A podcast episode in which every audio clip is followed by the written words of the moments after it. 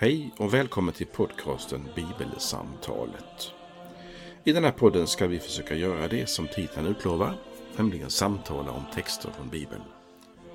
Vår tanke är att varje vecka dela ett samtal om den text från något av evangelierna i Nya Testamentet som är särskilt aktuell den kommande söndagen. Fokus är just samtalet. Kanske kan det inspirera fler till att samtala om bibeltexter. Välkommen att vara med i samtalet på något sätt. Vi som gör den här podden det är Fredrik Borglin, kommunister i Istorps pastorat och Karl Magnus Adrian, präst bland annat tidigare i just Istorps pastorat. Välkommen att vara med. Ja, idag ska vi eh, stanna till inför, läsa och samtala om och utifrån några versar i Johannes kapitel 6, verserna 48 till 59. Och det gör vi för att vi blickar framåt mot midfastosöndagen. Då är överskriften Livets bröd. Och nu läser jag alltså ifrån Johannes kapitel 6, verserna 48 till 59. Jesus sade, Jag är livets bröd. Era fäder åt mannat i öknen och de dog. Men brödet som kommer ner från himlen är sådant att den som äter av det inte ska dö. Jag är det levande brödet som har kommit ned från himmelen. Den som äter av det brödet ska leva i evighet. Brödet jag ska ge är mitt kött. Jag ger det för att världen ska leva. Judarna började då tvista med varandra om hur han kunde ge dem sitt kött att äta. Jesus svarade, sannerligen jag säger er, om ni inte äter Människosonens kött och dricker hans blod, äger ni inte livet. Den som äter mitt kött och dricker mitt blod har evigt liv, och jag ska låta honom uppstå på den sista dagen. Ty mitt kött är verklig föda och mitt blod är verklig dryck. Den som äter mitt kött och dricker mitt blod förblir i mig och jag i honom. Liksom den levande fadern har sänt mig och jag lever genom fadern ska också den som äter mig leva genom mig. Detta är brödet som har kommit ner från himlen, ett annat bröd än det som fäderna åt. De dog, men den som äter detta bröd ska leva i evighet. Detta sade han när han undervisade i synagogan i Kafarnaum. Så lyder det heliga evangeliet. Lovad vara du Kristus. Ja, idag stannar vi till inför en vad jag tror är mycket omtyckt bild och en, en bild som är, kan väcka positiva associationer hos oss, om, i alla fall om vi tycker om bröd. Ehm, men också som vi ska se i texten idag och som vi kan se lite runt omkring i sammanhanget så är det också ord av Jesus idag som väcker reaktion, som är radikala. Ehm, så det ska bli spännande att dyka ner eh, tillsammans med dig, Magnus. Eh, jag tänkte att jag, min vana trogen, vill säga något om sammanhanget. Jag, mm. Det är en hjälp för mig när jag läser Bibeln att, att, att ha lite ja, mer om det. Mm. Och då kan man tänka så här. Dagens text hämtad från kapitel 6 hos Johannes. Och ibland kan det vara en hjälp för oss att bara tänka på mängden text i, i sin helhet. Och då har Johannes 21 kapitel. Vi är den första tredjedelen. Nästan hela det här långa kapitel 6 hos Johannes handlar om bröd på något sätt. Först så berättar Johannes om ett brödunder, eh, alltså att Jesus mättar många tusen. Den här gången är det med fem bröd och två fiskar. Och sen följer en liten notis om när Jesus går på vattnet. Det är inte på något sätt oviktigt, men där har vi inte så mycket bröd med, vad jag har kunnat se. Och efter det så kommer ett långt avsnitt som handlar om det som är dagens överskrift, livets bröd, och att Jesus säger att han är livets bröd. Och det här långa avsnittet, en del av det, det är våran text idag. Och som jag sa innan, jag återknyter till det, att jag tänker på det här med, med livets bröd. Alltså det är på ett sätt, tänker jag, det är en härlig bild. Det är mättnad för hunger, det är näring som vi behöver och så vidare. Det finns liksom en, en, några associationer som jag tycker är, så här, de är lätta att, att gripa tag i på något sätt. Eh, men vi ser också att framförallt om man skulle läsa vidare i, i samma kapitel efter våran läsning så får vi höra många reagerar starkt på det som Jesus har sagt. De kommer till och med att kalla det som Jesus sagt för outhärdligt. Det är inte i våran text, men det är efter våran text. Människor kommer säga att det är outhärdligt att höra det han säger. En del kommer dra sig tillbaka. Och vad det verkar så kommer de sluta följa Jesus. Eh, så det finns några radikala saker i detta kapitel och också i våran text idag. Och så man kan säga så här att det finns, det finns två backspeglar i våran text idag. Eh, Dels så finns det en backspegel till. Vad hände precis innan? Jo, Jesus han gjorde ett brödunder. Eh, Han talar om ett sorts bröd där. Och sen så finns det också en, en längre backspegel, om vi får säga så. Tillbaka till när Gud gav sitt folk manna i öknen. Och det refererar ju också Jesus till. Så man kan säga, det är, en- det är på något sätt en... eh, Vi tänker att vi åker i en bil och så har vi två backspeglar, en på varje sida. Och de, de visar liksom olika långt tillbaka. Eh, en precis vad hände alldeles nyss och en vad hände för, ja, 1500 år sedan. Det lär vi komma tillbaka till. Ja, ja men det lär vi eh, Vad tänker du om den här texten, Cornelis? Ja, eh, dels det som du började med, med bröd, innan vi går in till förståelsen eh, och tillämpningen och tolkningen som Johannes gör. Eh, tror jag. Eh, jag minns att när jag höll på med lite grann med senmedeltiden i kyrkohistoria så upptäckte jag att man drack inte vatten därför att det var man aldrig säker på om det var rent. Mer än man var väldigt säker på att det var rent. Typ i någon bäck i någon skog. Mm. För i vatten, det var ju liksom ingen, man hade inte koll på bakterier. Så vatten och avlopp, det var liksom, det var samma vätska ungefär för att överdriva något. Mm. Så därför var det vin. Eller öl, i, typ i medel, åtminstone i Europa. Mm. Och här är det vin och bröd som är basnäringen. I vårt fall så är ju, menar, om man tänker på nattvardens vin och nattvardens oblat så är det ju inte normalföda för oss. Nej. Eh, Men brödet och vinet på Jesu tid är liksom normalmat. Det är, det är basen för, för det som man bjuder på. Och så finns det då tillgång till rent eller levande vatten. Som också, det kan betyda ju att det är rent, att det är levande och friskt och så. Mm.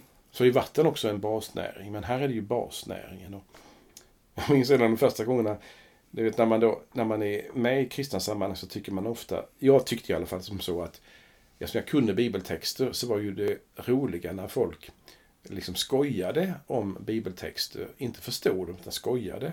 Och då minns jag då någon hade sa så här att brödet, Jesus är livets bröd, inte pålägget. Mm. Och tyckte jag var väldigt roligt när jag var just det, ja. Nu tycker jag inte det är lika lustigt. Det är, själv, det är liksom bara det, det är poängsökeri. Men det finns en poäng som Ja. jag ändå tycker är inte så dum. Och det är att han är, det är liksom basen i allting. Det, det är liksom det basala. Och. När jag var ung innan du föddes så, var, så sa ju skol, vad heter det, någon sorts myndighet i Sverige. Man ska, man ska äta x antal brödskivor om dagen. ja, just det. Det finns Och så något kom som- reaktionen mot det. Men vi struntar i det. Ja. Och det behöver vi inte debattera. Utan bröd och, och vatten, bröd och vin. Mm. Det är basalmat i Jesus antid. Mm. Det kan väl räcka att vi liksom tar kontakt med den verkligen. För att förstå sen vad det kan betyda det här. Ja, just det. Där är, det är ju inte min kommentar just nu. Utan det Nej. är bara att sätta in i ett sammanhang och förstå det. Eh, sen eh, min andra reaktion på texten innan vi tar den i det- detalj kanske, om du vill. Eller jag vill. Det är att eh, både här och när du antyder om inledningen på kapitel 6 hos Johannes. Så är det ju att Jesus gör någonting som blir att han imponerar och blir missförstådd. Mm. Först blir han missförstådd när han, han ger brödet, bröd och fiskar åt folk. Eh, De, liksom, de ser ju inte att det är ett tecken på att han är Messias. Utan de, vill, de är bara imponerade. Mm. Alltså de förstår inte poängen. Just det. Vilka tecken kan du Nej. göra liksom? Och här är det också missförstånd, det vill säga irritation, Mm. som ex- eskalerar ju. Där de verkligen blir irriterade till max på honom. Så, Mm. Ja, det är bara en relation till det du sa. Så det var mina spontana reaktioner på det som Mm. du började med. Mm.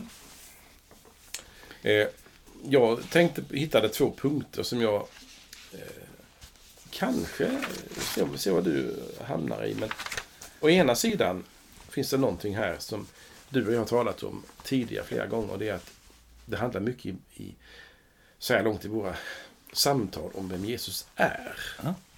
Och både jultexterna och, och sen när vi kommer till trettonde och fortsättningen Mm. så är det väldigt mycket om vem Jesus är och, och nu snart vem, vad han gör. Mm. Och sen kommer det kristna livet tydligare ju i, Mm. i trefaldigstiden. Men, eh, Och i nästa avsnitt när det är... Ja, nej, nej. Det, det, Ja, just det. Eller, ja, nej. ja, du är förberedd på nästa, det är bra. jo, eh, mina två rubriker det är Ja. A. Kyrkans bekännelse. Mm. Och problem med kyrkans bekännelse. Det tänker jag, Ja, det är precis det det handlar om för mig just nu. Sen Ja. finns det andra aspekter på detta. Mm. Men alltså bekännelsen är ju, jag är brödet. Mm. Jag är inte bröden, en av brödsorterna, utan jag är brödet. Det finns bara en sort som säljs på ICA i Håred. Mm. Och det, det är det enda brödet som finns. Mm. Det är ju en extrem provokation ju. Mm. Jesus är den enda vägen. Mm. Den enda frälsaren. Guds enda son. Det, är, det är kyrkans bekännelse. Mm. Och omedelbart efter det så upptäcker vi att kyrkan, det vill säga först judarna här och Jesu lärjungar, har problem med, med den här bekännelsen. Mm. Och det är likadant idag. Alltså det är ju verkligen extremt, både in, både, även- tyvärr även inom kyrkan, Mm. att Jesus har sådana anspråk. Ja. Oj, oj, oj. Ja, Ja. det gick jag igång på. ja. Och det, men vill du fortsätta utveckla det? Eller? Ja, det kan jag göra. Ja, ja. Oh, ja. Jag har också två punkter. Men, men Ja. jag, nu har du liksom redan, in, nu har du liksom redan eh, gått... Ja, vi eh, kan kiva om det en stund. mm. Nej, vi gör det här är just Jag för- listar dina punkter. Så kan ta Eh, ja, okej. då det- jag, jag har, man kan säga så här. Jag har två, jag, jag, jag har två, eh, två saker jag vill ta upp. Det ena handlar om, eh, vad ska vi säga, kontrast och, och kontinuitet i ett citat. Kontrast och kontrast. Ja, det är lite, Fina det är lite flummigt. Ja, förlåt. Nej, men Nej, liksom, nej, eh, eh, man kan säga, nej men vad ska vi, ska vi använda? Bra att man får använda också enklare ord. Alltså det här med att ibland så är det, kan man i en och samma text hitta både någonting där, där två saker eh, på något sätt går emot varandra, men, eh, men på samma gång eh, är i linje. Mhm. Nu, nu, nu Det, det får du utveckla Ja, sen. ja, men nu vill jag vill höra, och sen, sen hade jag en annan sak, men vi ser vad vi hinner. Men jag vill höra mer om bekännelsen här, det är spännande. Ja. Alltså, Jesus säger ungefär. Nu kommer mina reflektioner. Jag är det viktigaste som finns för er. Mm. Det är det han säger. Eh, alltså han säger verkligen jag. Mm. Jag såg, en, jag såg en, en text på en ryggsäck i något sammanhang häromdagen. Vad var det någonstans? Spelar ingen roll. Där stod med stora bokstäver. Jag är vägen, sanningen och livet. Och så längst ner stod det Johannes 14. Mm. Då tänkte jag, tänk om det går någon på stan och så ser den att personen framför sig säger jag är vägen, sanningen och livet. Hallå! Nej, det är inte jag. Nej. Det är inte vi och det är inte kyrkan, utan det är Jesus. Mm. Alltså någonting som är jätteviktigt. Utan mig inget liv. Eh, och då är det som jag kallar för kyrkans bekännelse. För det är ju inte så att kristendom är ingen privatsak. Utan det är ju någonting som är givet världen. Och i världen finns, det, finns kyrkan med stort K. Och det betyder ju för mig alla kristtrogna överallt i alla tider. Så det betyder inte, inte samfundet utan kyrkan. Mm. Och då har kyrkan ansvar menar jag för att tydliggöra i världen och för världen och i kyrkan Mm. vem Jesus är. Och det är en bekännelse. Och då är det ett, ska man säga, att när man kokar ner kristen tro, så man bör till liksom minsta beståndsdelen, så finns det vissa delar av kyrkans bekännelse i Bibeln och i traditionen som hjälper oss. I Bibeln är det hos Paulus, ja, Jesus är Herre. Det är citat, Jesus är Herre. Alltså, han är högst, han är chef, han är bas, han är den som är Guds son. Eh, Det är liksom den minimala bekännelsen och den finns, det är den första kristna bekännelsen som vad jag förstår finns i kyrkan. Så är det citat, Jesus är Herre. Ingen kan säga det, skriver Paulus, utan i den heliga Ande. Sen när kyrkan, alltså kristtrogna, ska eh, koka ner allt det där med bibeltexterna och traditionen i en formel, så har vi de trosbekännelserna som vi kallar dem. Mm. Eh, Och de är ju, de är ju verkligen födda i kyrkans mitt. Mm. Och har varit föremål för mycket samtal, mycket debatt och mycket strid också ju. Mm. Och då tycker jag, och jag har sagt det förr, att det är väldigt bra och ibland eh, ha alltså, få ord för mycket. Snarare än mycket ord för lite. Mm. Och lite ord för mycket, det är det som hänvisar både oss två och eh, eventuella lyssnare till psalmbokens avslut, sista pärmsida. Där det finns två trosbekännelser. Dels den apostoliska, jag tror på, vi tror på Gud Fader allsmäktig. och den isenska, Jag tror på Gud Fader och så vidare. Eh, där finns eh, alltså bekännelsen nedkokad till en tämligen jag säger tämligen lättläst formel. Mm. Det är inte alla ord är inte lätta där, men det är ganska kort. Mm. Och det menar jag är någonting avgörande. Det är kyrkans ansvar i alla tider att vara absolut orubblig i vad bekännelsen är. Mm. Alltså den fyrkantiga bekännelsen. Mm. Och inom den kan man sedan tänka fritt. Mm. Och, och, ta ut svängarna rejält. Men det, må, det, finns någonting som är oss givet och som vi i kyrkan försöker hitta eh, få ord om. Och det är bekännelsen. Och då kan man säga Jesus är Herre. Eller vi tror på Gud Fader allsmäktig. Och Sonen och Anden. Och kyrkan. Eller vi kan säga här, jag är livets bröd. Mm. Det är ju samma sak att i, det är ju nedkokat till, en mycket, till mycket få ord om väldigt mycket. Mm. Det var min första spaning när det mm. gäller kyrkans bekännelse. Mm. Vi ska se här om pastorn tänder till på detta ja. eller vill kommentera någonting av detta. Jag blir ju sugen på vad, att höra, för du, du sa, och det, jag, jag, tror att jag förstår lite vad du menar när du säger problem med bekännelse då, som du ja, lite har. Det, det, det, det är nästa punkt. Där är jag inte nu. Nej, det, nej, det vet jag att du inte är. Men, men, men kopplat till detta med, med, eh, med eh, att liksom hur människor reagerar i texten och sådär. Jag vet inte, jag kan inte veta exakt. Ehm, jag håller, jag håller med om det där som du säger, det här med att det finns en, en ram liksom, och inom den ramen så ska man vara fri. Eh, jag vet inte om det är samma sak som om man använder en annan bild. Det här att nej men, man, kan, man kan vandra fritt så länge gummi, man har ett gummiband eh, som man är fäst vid. Liksom, så att förr eller senare så studsar man tillbaks till mittpunkten som är mhm. Jesus. Mm. Det är en lite, det är en lite annan bild kanske. Ja. Jag vet inte om den är... Men, men eh, på ett sätt så, så påminner den ju... Eh... Alltså, ibland så är det problem med, med liberalismen. Mm. För där är ju ordet frihet, poängen. Mm. Mm. Alltså, tro vad du vill, tänk mm. vad du vill, säg vad du vill, skriv vad du vill. Mm. Alltså, det finns mycket av det som är bra. Mm. Men också förödande. Mm. Jag ska inte säga vad jag vill för att göra dig ledsen och klanka ner på dig och göra dig kränkt och så. Nej.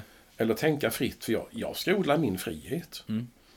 Eh, och tänk fritt, och då vill jag säga att ingen tänker fritt. Alla är beroende av någonting. Ja. Tror du inte på det så tror du på det, eller så tror du på det, eller så tror du på det. Alltså kom inte säga att du tänker fritt. Nej. Utan du, du är bunden av någonting. Och då tycker jag att då, det kanske slår in någon dörr nu, men att det, då finns det ju goda grunder för att, så att säga, bestämma sig för. Jag vill ha som ram mm. Jesus är livets bröd. Han är Guds son. Fader, son och ande. Det är en bas för mitt liv. Mm. Sen säger någon att ja, men det är ju kyrkan som hittar på de orden om treenigheten till exempel. och så. Ja, någonstans måste man hitta någon sorts ram. Och kring den får vi liksom sen bygga vidare. Att säga att det finns ingen ram utan allting är bara en känsla, en upplevelse av någonting. Och säga, jag vet inte, är det verkligen det? Om du ska gestalta någonting i ditt hem till exempel, eller jag mm. i mitt hem. Finns det inte ramar som, som utgår ifrån då? Alltså, eh, skorna i fastun till exempel. Diska disken. Det finns mm. ju ramar, bestämmelser, beslut. Man måste ha någon sorts ram kring någonting. Man kan inte bara köra vad som helst. Ah, det är inte en väsentlig del, men jag tycker det är viktigt att fundera på eh, att bekännelsen behövs för att sen kunna ta ut svängarna. Mm. För men poängen med kristen tro är ju inte en dogm, utan det är, att det är tillit. Mm. Jesus är min frälsare, min Herre, mm. min broder, min vän. Mm. Det är liksom poängen. Mm. Ja, och, och jag, jag, kan också, liksom, jag kan också tänka så här med liksom att det är klart att det är... Eh, som du säger, det här med ramen och att, att vara inuti en ram. Där vandrar jag fritt, där provar jag olika saker och så. Eh, och ibland så märker man att nej, men nu, nu tror jag att vi är på väg utanför någon ram här. Och då, mm. Eh, det kunde ju, jag menar, det är ju en frestelse för mig med. Och då kunde man fundera så här. Vad, vad vill jag nu? Vad är, mina, vad är, min, vad är min föresats med att, eh, med att vara i ramen eller att gå utanför den? Vad, ja, varför gör jag detta? Mm. Jag, tänk, jag tänker ofta på eh, Johannes döparen. Och han säger så här. Jag är inte brudgummen. Eh, brudgummen får stå, eller jag är brudgummens vän, säger han. Brudgummens vän gläder sig åt när han hör brudgummens röst och han får stå bredvid honom ungefär så. Han ska bli större, jag mindre. Det vill säga, det är, en, det är väldigt fint att få stå bredvid brudgummen. Mm. Men det är en begränsad roll. Jag kommer aldrig någonsin att vara i centrum som brudgummens vän. Nej. Det är ungefär som att tänka att om, jag, om vi nu säger att jag, är, jag skulle få en dotter och min dotter skulle gifta sig. Eh, och, och då, då skulle den dagen det händer så, skulle all, så ska man tänka så här. Eh, tänk om jag då skulle försöka stå i centrum. Vad pinsamt det skulle vara. Mm. Och man säger så här, nej men som brudgummens far eh, så kan man aldrig stå i centrum på en bröllopsdag. Eh, likadant eh, eh, talar Johannes om sig själv. Jag tycker att det är en förebild för oss. Är man brudgummens vän, det är, det är, det är typ det finaste man kan vara. En lärjunge liksom och sådär. Men, men man är aldrig i centrum. Jag man- på, förlåt. Nej, nej. Nej, jag tänker på dig kropps, eftersom du tjänstgör i den församlingen där jag är församlingsmedlem.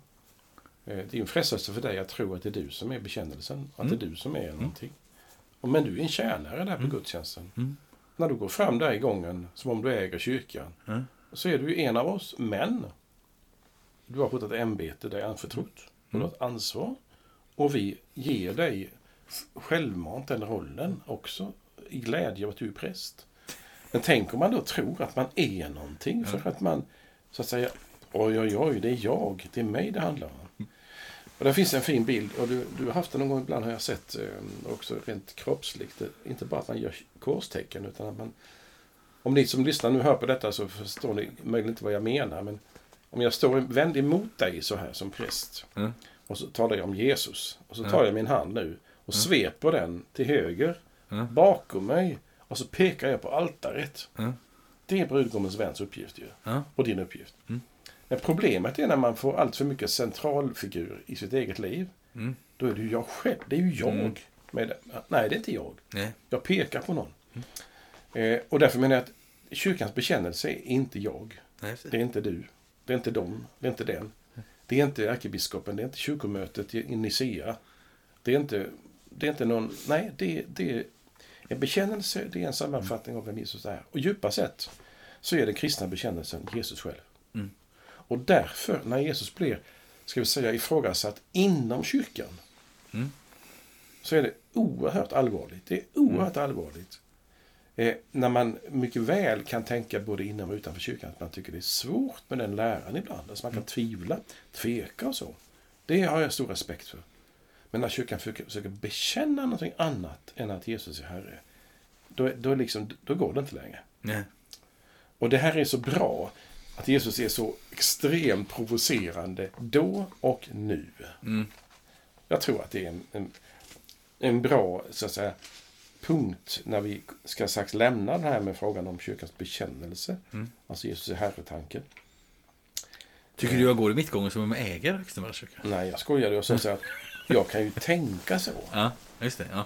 Och, alltså när, när det blir prästcentrerat på ett felaktigt Mm, sätt, absolut. då är det jag Mm. som är församlingen. Mm. Och nästa problem är att det är jag och personalen som Ja. är församlingen. Är ni med? Alltså det är det som jag vill komma Mm. åt. Nej, bekännelsen är större. Mm. Det är mer än. Och jag är intresserad av pedagogik som en del vet och därför så upptäckte jag ganska snart när jag började undervisa att om vi har, om vi har ett, något som heter kunskap, låt oss säga att jag ska samtala med elever om någonting som de inte kan, men jag kan. Då är det fortfarande så att kunskapen är över mig. Mm. Det är inte så att jag är kunskapen. Ja, just det. Utan jag förmedlar någon gång ibland en, Mm. så att säga, en, jag berättar någonting som de inte vet. Så kan det vara ibland. Men jag är inte kunskapen, utan kunskapen står över mig. Det är det jag kommer åt. Eh, nej, jag tycker du frimodigt ska gå i mittgången som om du äger kyrkan. Det vill säga, det är väl fint. Tänk att oh, jag är glad för att vara här. Mm. Så det var ju... Jag, jag hakar i en sak det här du säger också med, med bekännelsen och, och jag tänker också på, på dopet. Eh, eh, och, och vi läser trosbekännelsen i dopet.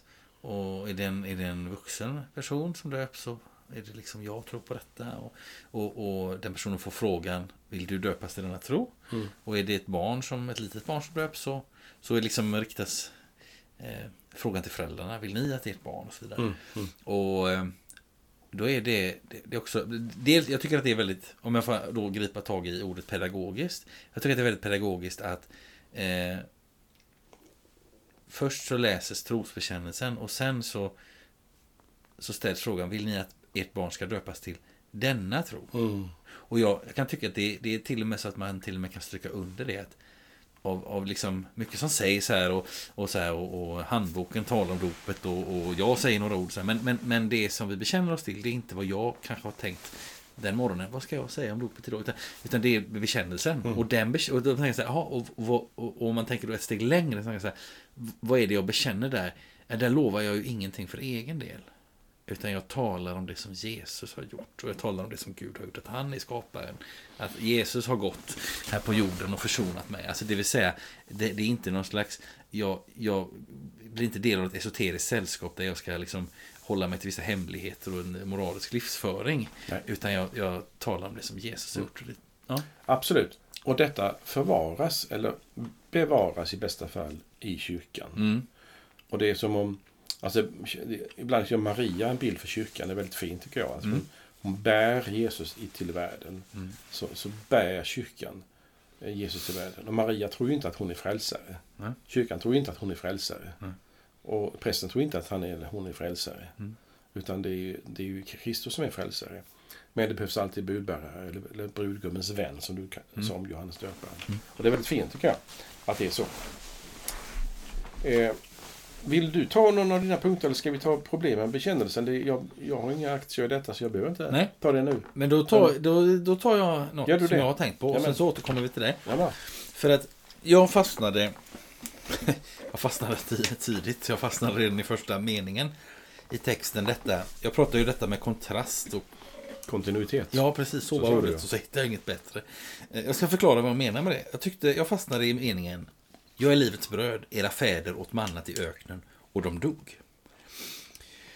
Där fastnade du. Ja, för jag, tänk, jag, tänk, jag, jag, jag tyckte så här, vad, vad säger de här orden? Är det, pratar Jesus om två saker som står emot varandra eller pratar han om så att säga saker och ting som går i linje med varandra och följer på varandra? Och för på ett sätt så finns det något sammanbindande, på ett sätt en kontrast här. Dels så finns det en kontrast när Jesus säger jag är livets bröd, era fäder åt mannat i öknen och de dog. Med andra ord, då var det på ett sätt, men nu och med det som sker nu så är det på ett annat sätt.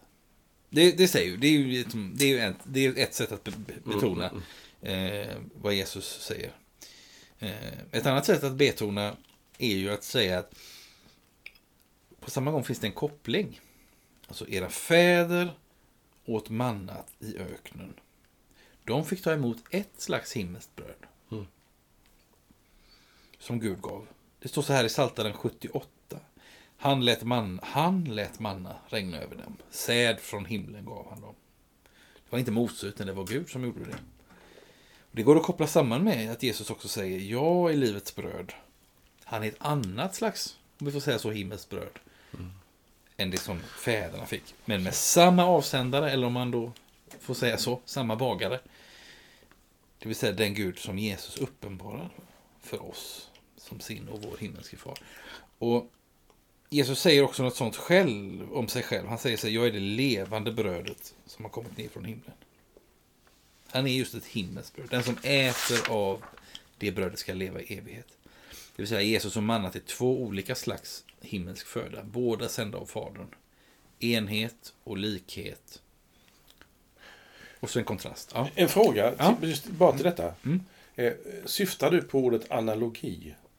Kanske. Alltså att det finns någonting i det vi kallar för Gamla Testamentet om Mose. För det är det, det, det, är det du syftar på. Mm. Mm.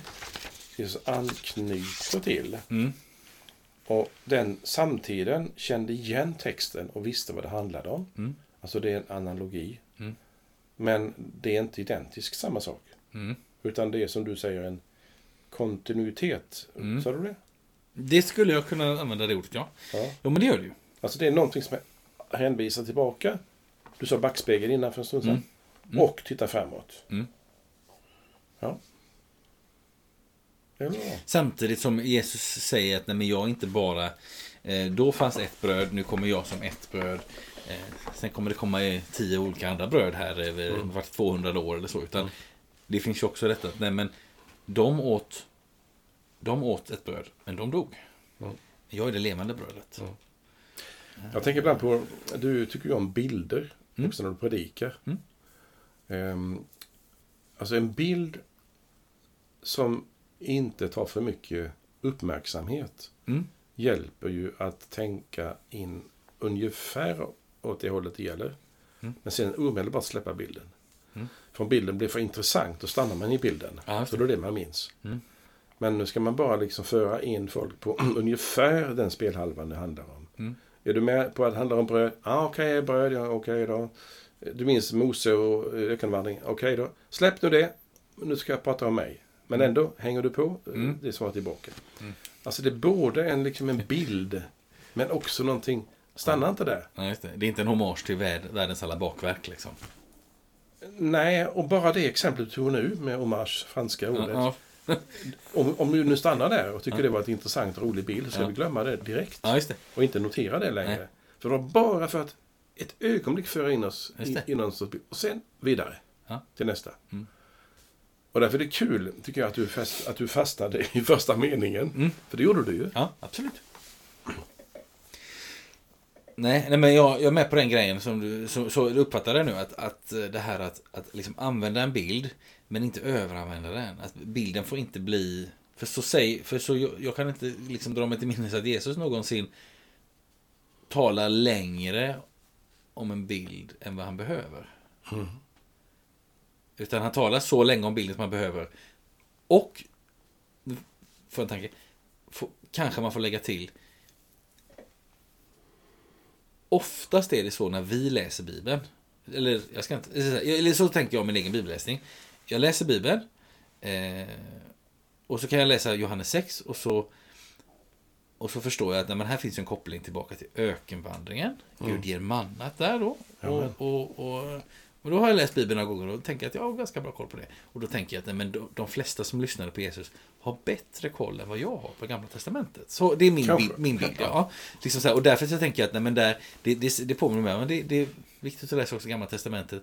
Eh, och, och också så här, men på samma gång, att om det är någon gång när jag läser evangelierna, och då säger jag också till dig som lyssnar nu att, att liksom, om jag är inte riktigt med på den här bilden, för jag tänker att men Jesus han talade också till ett folk som verkligen levde med de här texterna som ett kollektivt minne. Så att det, är, det är en uppmuntran att också eh, liksom läsa den bakgrund till, till evangelierna som, som Gamla Testamentet Ja, absolut. Och, och menar, vi skulle... Vi, alltså NT utan GT. Ja, nej, det går Hallå, inte. Nej. det går ju inte. Och, och för det, jag kan liksom tänka att Jesus han är mycket, kanske fel ord, men han är väldigt ja, men han, är, han är effektiv. För han, han vill att vi han, liksom, han använder bild, eh, bilder på olika sätt. Mm. Eh, men han överanvänder dem inte. Eh, Sen är det också det att, att Jesus är, skulle man kunna våga sig på ett omdöme och säga att han är i den tiden är det ju den referensramen som råder. mm, När vi talar idag om att be- berätta om Jesus, ta upp bibeltexten från Nya Testamentet, Mm. så har vi ingen, vi har ingen religiös kontext. nej. Vi har ingen kristen kontext. Mer än i vissa fall. Ja. I vissa församlingar finns det många som, som kan lite bibeltexter och så. Men, men kommer du till en storstad eller många andra sammanhang så är det ju så är det definitivt så att, att det finns ingen bibelanknytning att hänvisa till. Och då kan vi inte ha det som en kontext. Och skulle man då ta gamla testamentet som en kontext idag Mm. så skulle folk bara gapa. Och tar man då nya testamentet som en kontext så skulle man, jaha, eh, jaha. Alltså vi får börja om igen. Mm. Eh, och det är något nytt i vår generation. Det fanns ju, men när jag var liten, vad som har hänt, till exempel hur många som går i kyrkan idag jämfört med för 20 år sedan, det är en extrem förändring. Mm. Och så vidare. Ja, med, med, detta menar jag bara att förutom att nya, Gamla Testamentet är nödvändigt för att förstå Nya Testamentet, Mm. så är det också en, en sociologisk fråga. Mm. Alltså det finns ett, en, en- en förståelse av Gamla Testamentet i Jesus samtid Mm. som inte finns idag. Nej. Därför kan vi inte bara dra ett exempel från GT och så förstår folket det i våra kyrkor och skolor eller vi undervisar och så. Utan vi måste börja från ett annat håll. Och introducera både det ena och sen det andra. Mm. Vi får börja om. Mm. Men när du tar det här med, med mannat som ändå så, som du fastnade vid. Mm. Eh, På vilket sätt menar du att bilden, eller mannat, räcker till att förstå och förklarar? Och vilken begränsning har bilden mannat för att förstå poängen? Det vill säga, jag är livets bröd. Är, är mannat nödvändigt att förstå för att kunna förstå poängen, det vill säga, jag är livets bröd? Ställ frågan igen. Jo, eh, om Jesus säger idag, jag är livets bröd. Ja. Så kallade jag det för en stund sedan för kyrkans bekännelse. För att förstå det Mm. Måste jag först förstå berättelsen om mannat och Mose och ökenvandringen. Nej, det tror jag inte. Men jag tror att men liksom, vad, vad, Jesus gör är, eh, vad jag upplever att Jesus gör när han liksom, jag är livets bröd, era fäder åt mannat i öknen och de dog. Alltså på samma gång så säger han, Gud har handlat i historien, men detta är annorlunda. Att så att säga, säga Gud har gett mannat i öknen. Eh, Amen. Eh, Det är, också, så att säga, det är också att säga, vilket många människor har fått ge uttryck för, Gud är en Gud som förser oss. Eh, på- också ibland på mycket, mycket fysiska, praktiska sätt. Eh, men Jesus, och det är återigen det här med bekännelsen då, att Jesus säger också, jag är inte bara en i raden. Utan jag är, jag är the thing. Nej men liksom, jag är Guds, eh, liksom, Så jag är livets jag är den stora, jag är den stora skillnaden. Jag är inte bara en, ett nytt sorts manna, så att Nej. säga, utan jag är livets bröd. Ja. Det är mycket mer. Ja. Mer än, Ja, man säga. precis. Både mer en och en i raden. På samma gång. Liksom. Det finns ju i evangelierna flera uttryck. Alltså mer än uttryck. Mm. Mer än Salomo, mer än. Mer Just det, än, här är som än. för mer än Salomo. Så det, är ju, det återkommer. Ja. Du, du kanske kan räkna ut nästa gång hur många gånger det finns. Det intresserar dig och det, det är Ja. bra att du tänker på sånt. Ja. Parentes. Eh, Du hade en annan grej, med bekännelse. ja, jag eh, ska se när du är klar med den lilla delen. Ja, det är jag nu. jag. Redan? Ja. Oj, oj, oj. Ja. Jag skulle ta det här sen med, med, med problem med bekännelsen. Mm. Det är något som är mycket levande i vårt eh, kapitel. Alltså om jag tänker, vi, vi sa för länge sedan, eh, inte för länge sedan, flera år sedan, utan eh, lite tidigare denna inspelning. Så sa vi så här, nej men att det här som Jesus säger, och det finns saker han säger idag som är radikalt och senare i Johannes 6, kapitel 6, så kommer människor liksom dra, säga att det här är outhärdligt att höra och så. Mm. Och det är ju ett sorts problem med bekännelsen. Mm. Men jag, nu vill jag höra vad du tänker Ja, på. Nej, det börjar redan här mitt i vår text idag. Judarna började tvista med varandra om hur han kunde ge dem sitt kött att äta.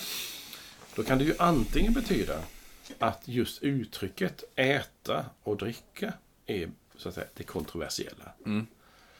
Eh, och sen kommer detta tillbaka som du sa i, efter vår text. Eh, det är outhärdligt att höra. Mm. Och så kommer väl berättelsen när Jesus frågar Petrus, vill också, eller, vill också ni gå bort? Mm. Och då svarar Petrus, till vem skulle vi gå? Mm. Alltså det är kontroversiellt och det innebär en provokation. Det medför en provokation Mm.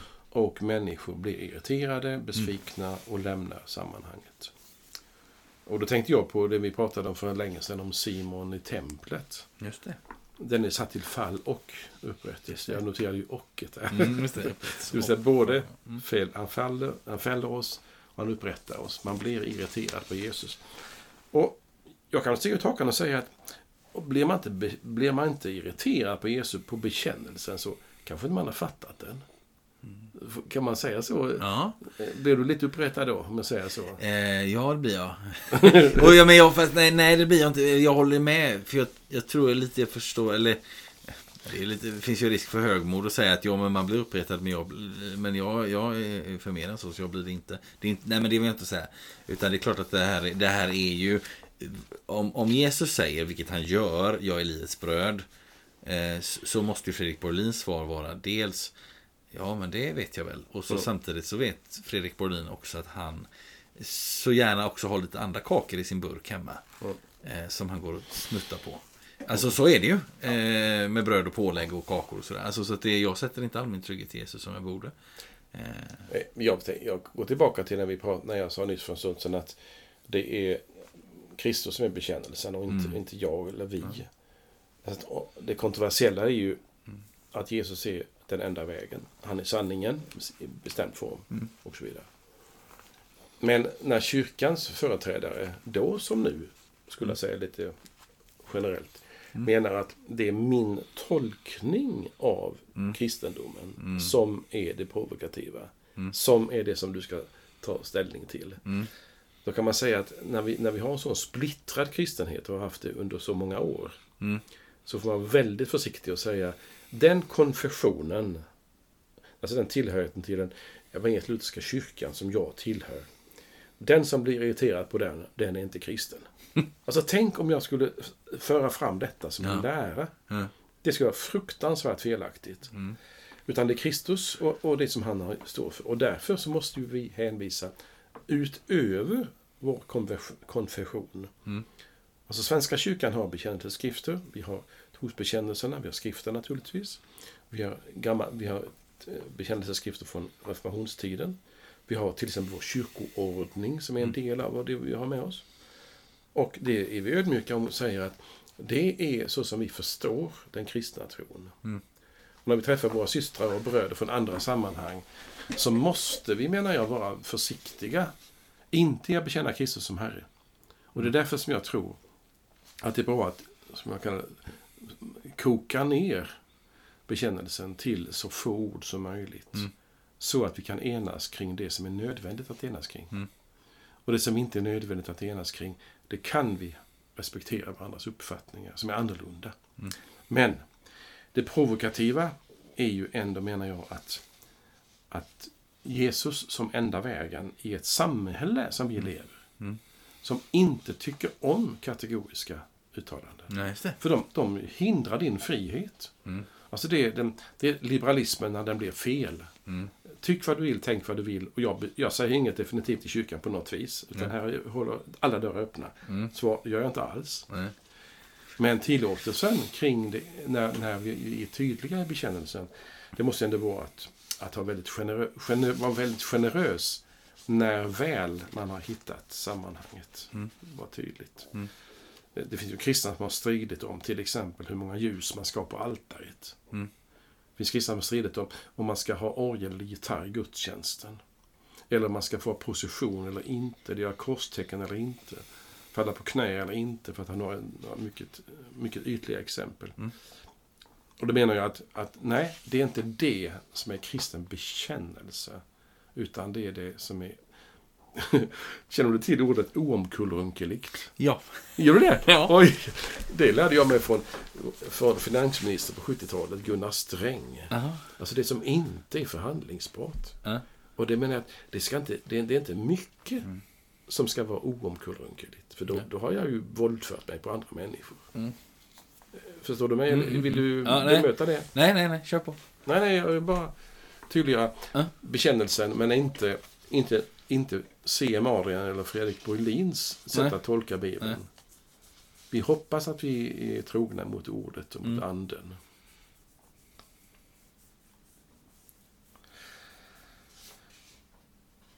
Ja, det var alltså bekännelsen som väcker irritation, provokation.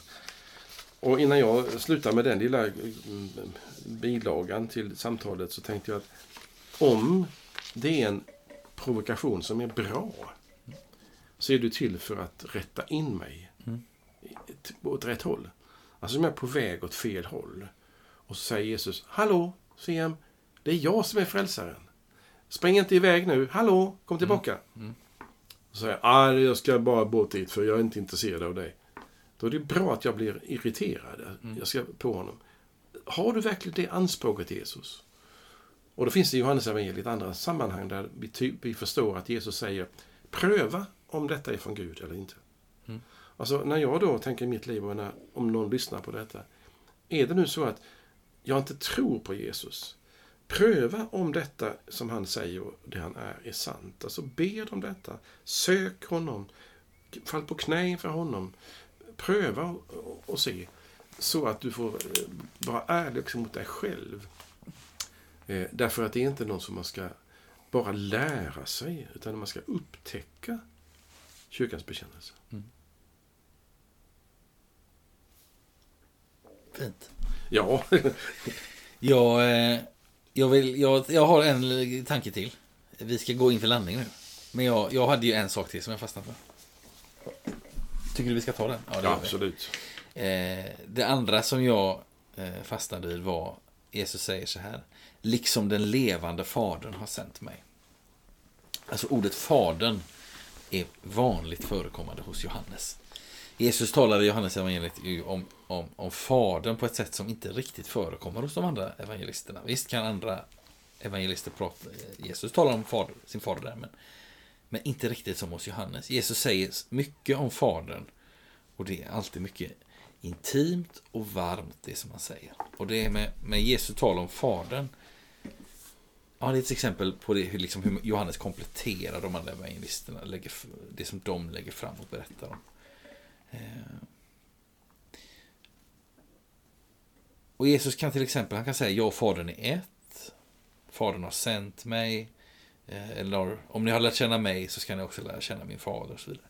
Det finns massa exempel på hur Jesus uppenbarar saker om Fadern och om sin relation till Fadern. Och varför säger jag detta? Jo, också för att knyta an till det som Carl Magnus sa. Att, men, jag får pröva detta. Jag får pröva att falla på knä eller be. Och då, är det, då, då, tycker, då, då tycker jag personligen att, att eh, när Jesus talar om Fadern, det har hjälpt mig mycket. Att, ja, vem, vem är det jag riktar mig åt? Mm. Här, för ibland när man, när man är ute och kör så är det skönt att veta vilket håll ska jag åt. Eller om jag, vill, om jag prövar att falla på knä och be, be till någon, så tänker jag, vem, vem är det då? Ja, men Jesus talar också om Fadern.